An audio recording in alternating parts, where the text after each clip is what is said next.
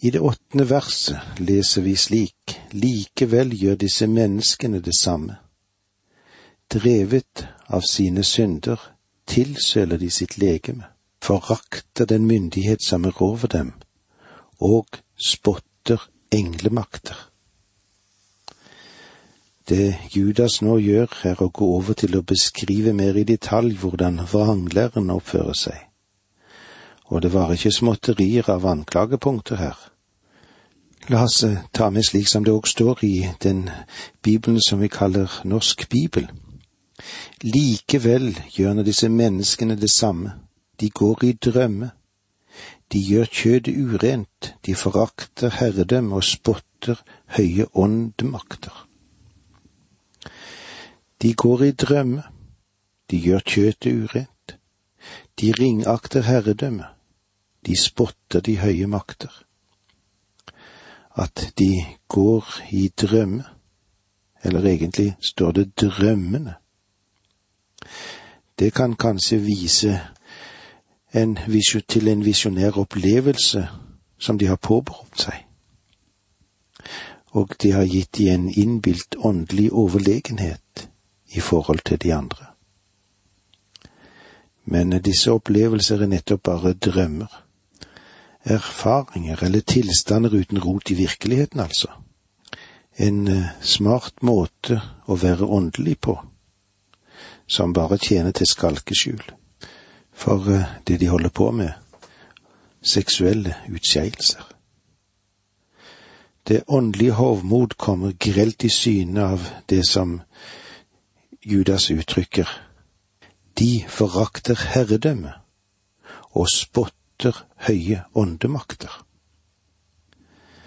Det ligger nær å anta at Judas med dette uttrykket forakter herredømme. Det vises tilbake til vers fire, hvor han anklager vranglærerne for at de nekter vår eneste hersker og Herre Jesus Kristus.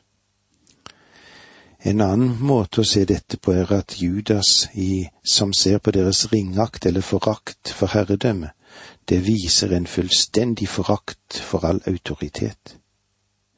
Det de ønsker å være sine egne herre.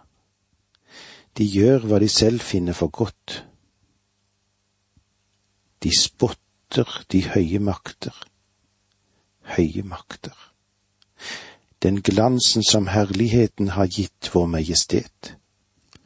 Som jeg tidligere har sagt, så er det fire kjennetegn på hvordan denne frafalne lære gir oss i dette verset i vers åtte. Likevel gjør disse menneskene det samme. Drevet av sine synder tilsøler de sitt legeme, forakter den myndighet som er over dem, og spotter englemakter. De er drevet av sine synder, tilsøler sitt legeme, og eh, disse frafalne og forvrengte lærere, de forakter den myndighet som er over dem. Det betyr at de vil være sin egen autoritet. Dette dreier seg både om politisk autoritet, men også om åndelig autoritet og tendensen i vårt samfunn på det moralske felt er at vi ikke skal ha noen begrensninger. Vi skal ikke ha noen autoritet. Det stilles ingen krav til oss. Vi skal leve oss ut slik som vi selv vil. Det er en tragedie, dette, uten sidestykke. Og det fjerde punktet er dette, falske lærere, de som spotter englemaktene. Det betyr at de har ingen respekt for åndelige forutsetninger. Gud har lagt til rette for at vi skal leve i et åndelig univers, ikke bare i et materielt univers. Men disse falske lærere vraker de prinsipper for åndelig autoritet som Gud har lagt til rette. La oss igjen legge merke til det karakteristiske ved disse frafalne læreren som kommer eh, inn i menighetene. Hvordan kommer de inn? De kommer inn sidedørene, de. De er ugudelige. De vender Guds nåde til ryggeløshet. De fornekter den Herre Jesus Kristus. De er drømmere. De tilsøler sitt legeme. De forakter englemakt og spotter myndighet. Det er dette som karakteriserer dem, og de er farligere på grunn av den måten de har tatt seg inn i menigheten på. I ti lange år beleiret grekerne byen Troja, men de klarte ikke å få hull på festningsverkene. Denne byen syntes å være uinntakelig, og de fant ikke et eneste smutthull. Da kom det et forslag. Forslaget var å bygge en trehest der noen soldater kunne ligge i skjul. De ville etterlate den utenfor byporten og så late som de seilte bort. De laget trehesten. Soldater ble skjult inni den, og eh, den ble plassert utenfor hovedporten inn til Trøya. Vel, kuriositeten, nysgjerrigheten, tok overhånd hos trojanerne. Og da de så grekerne seile bort, trodde de det hele var over. Da de åpnet porten, så hesten, så besluttet de seg å dra den inn i byen. Dette var jo en kuriositet. Noe de kunne ta vare på som et minne om at de hadde holdt ut mot grekerne. Men eh, så midt på natten kom soldaten som var skjult inni hesten seg ut, og de var i stand til å åpne byporten innenfra. I mellomtiden hadde den greske flåte i ly av mørket vendt tilbake. De hadde bare latt som om de seilte bort. Det var en hel hær av mektige menn som ikke kunne gjøre noe fra utsiden i løpet av de ti år som de hadde vært der. Men så noen få soldater fra innsiden i løpet av en natt. Hva gjorde de? Jo, på samme måte har menigheten i dag fått stor skade fra innsiden. Forfølgelse, hva med den? Jo, den fikk menigheten til å gro og vokse. I dag er vi vitne til store ødeleggelser på, som påføres kirken innenfra. Det er et verk av kirkens femte kolonne, dette. Kristus ble forrådt innenfra, ikke fra utsiden. En av hans egne overga han til romene og til sitt eget folk. Gjennom kirkehistorien har det til stadighet hendt at kirkene er forrådt fra innsiden. Frafallet var på Judas tid en liten sky på størrelse av en hånd, men den vokste til en veldig storm i kirken. Vi trenger å løfte dette brevet frem som et stormvarsel for oss alle sammen, fordi frafall og den forvrengte lære i vår egen midte, den er så farlig. Og jeg sier ikke dette verken med skadefro glede eller bitterhet, men jeg tror at jeg peker på en sannhet her, dessverre. Men eh, frafallet gnager ut fra to sider. Den ene siden av frafallet er når det gjelder avvik fra apostlenes lære, den som er gitt oss i Bibelen. Og den andre side representerer også en fare. I noen sammenhenger er, lære, er læren eksakt, den er klar, og doktrinene, de er presise. Men en har mistet sansen for etikk og moral. Det er ingen høye prinsipper eller praksis nå. Det har vært et moralsk sammenbrudd i samfunnet utenfor kirkens domene. Men i stedet for at kirken har profilert seg i denne sam sammenbruddets tid, har samfunnets standard begynt å innvirke på kirken. Og fordi kirken godkjente både det ene og det andre når det gjaldt egne ledere der ute, de var ute av stand til å si noe i dagens samfunn, eller stå frem som modeller for en ny og bedre tid. Dette skader Kristis sak. Ja, ikke bare det, men det skader hele kirkens fremtid. Og det er vanskelig når det kommer fra innsiden.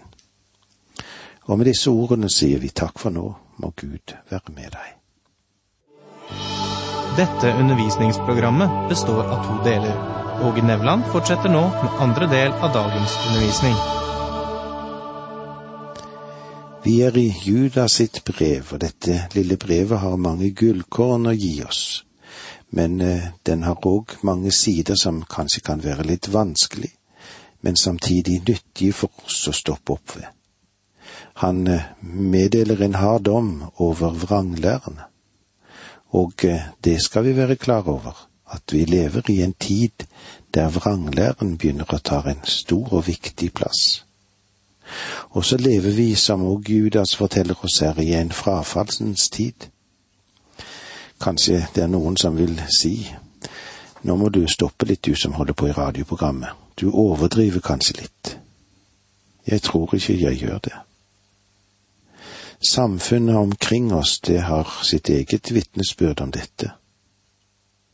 Den kirkelige debatt er sitt eget vitnesbyrd om dette. Og jeg tror ikke at jeg kommer til å overdrive når jeg er innom dette. Det kan heller være slik at jeg ikke er oppmerksom på hvor langt samfunnet er kommet ut på sin egen gren. Vi leser i vers ni i Judas sitt brev. Overengelen Mikael våget ikke å håne djevelen den gang han lå i strid med ham og det døde legemet til Moses. Han dømte ham bare og sa, Måtte Herren straffe deg. Dette er svært overraskende og enestående vers i Bibelen, ikke sant? Satan er en fallen skapning. Han er Guds svorne fiende og likevel vil ikke Mikael, som stred med ham og Mose legeme, våge å gripe inn på Satan sitt felt. Mikael, han respekterte til og med den posisjon Satan hadde. Clemet, en av de første kirkefedrene, siterer fra et apokryftskrift angående begravelsen av Moses. Da Mikael fikk i oppdrag å begrave Moses, da opponerte Satan med grunnlag i at den, at siden han var herre over det materielle og for materien, så tilhørte legemet ham. Mikaels eneste svar var, måtte Herren, det vil si Skaperen, straffe deg. Satan kom òg med en mordanklage mot Moses. Det er også antydet at Satan ønsket å hindre senere at Moses sto frem på Forklarelsens berg. Lucifer var en Guds skapning, og åpenbart den høyeste skapning Gud hadde skapt. Men det var rundt i ham. Tro ikke at det onde betydde at han gikk omkring og stjal. Det onde som var i ham, var var at han satte sin vilje opp mot Guds vilje. Han ble løftet opp gjennom sin stolthet, og han ville være uavhengig av Gud.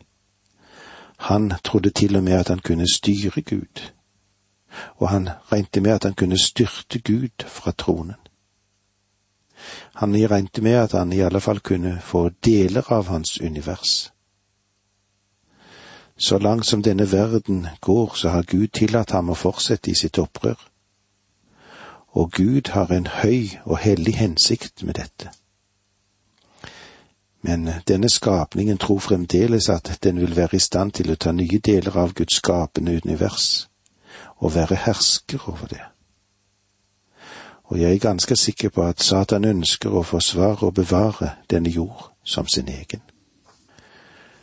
Overengelen Mikael våget ikke å håne djevelen.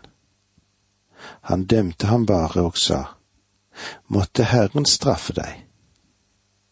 Mikael hånet ikke Satan. Han prøvde ikke å latterliggjøre ham. Noen av oss ville kanskje ha vært så tåpelige. Vi ville ha lest ham teksten. Men Mikael gjorde ikke det.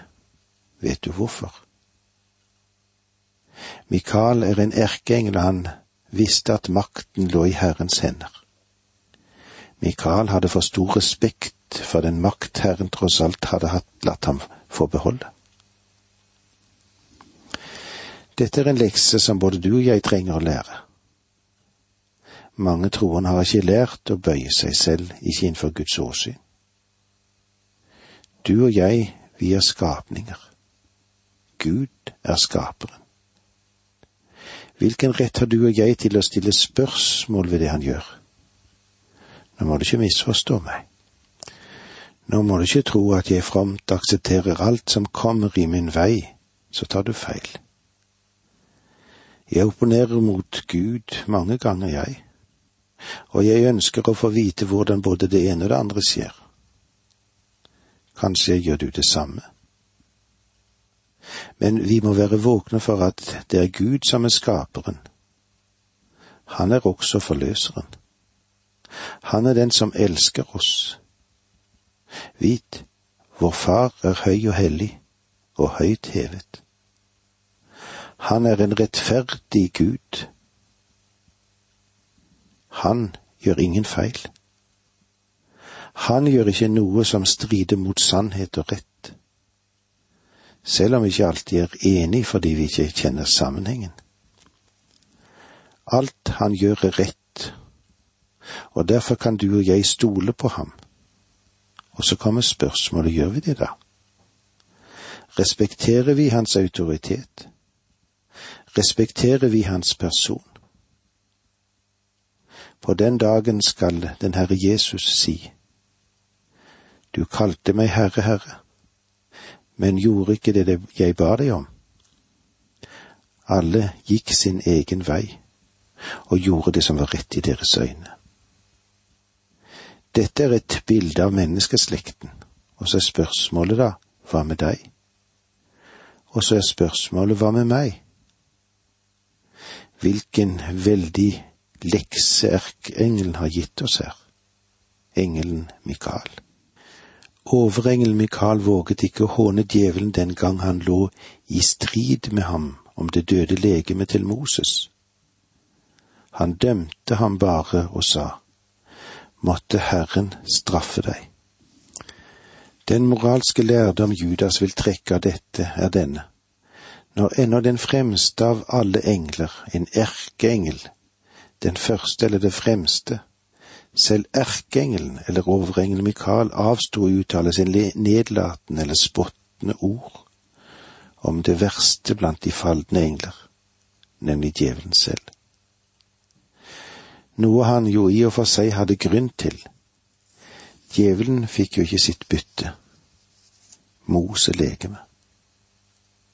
Hvor mye forferdelig er ikke da vranglærerens åndelig overmot når de på rent blasfemisk måte spotter de høye makter.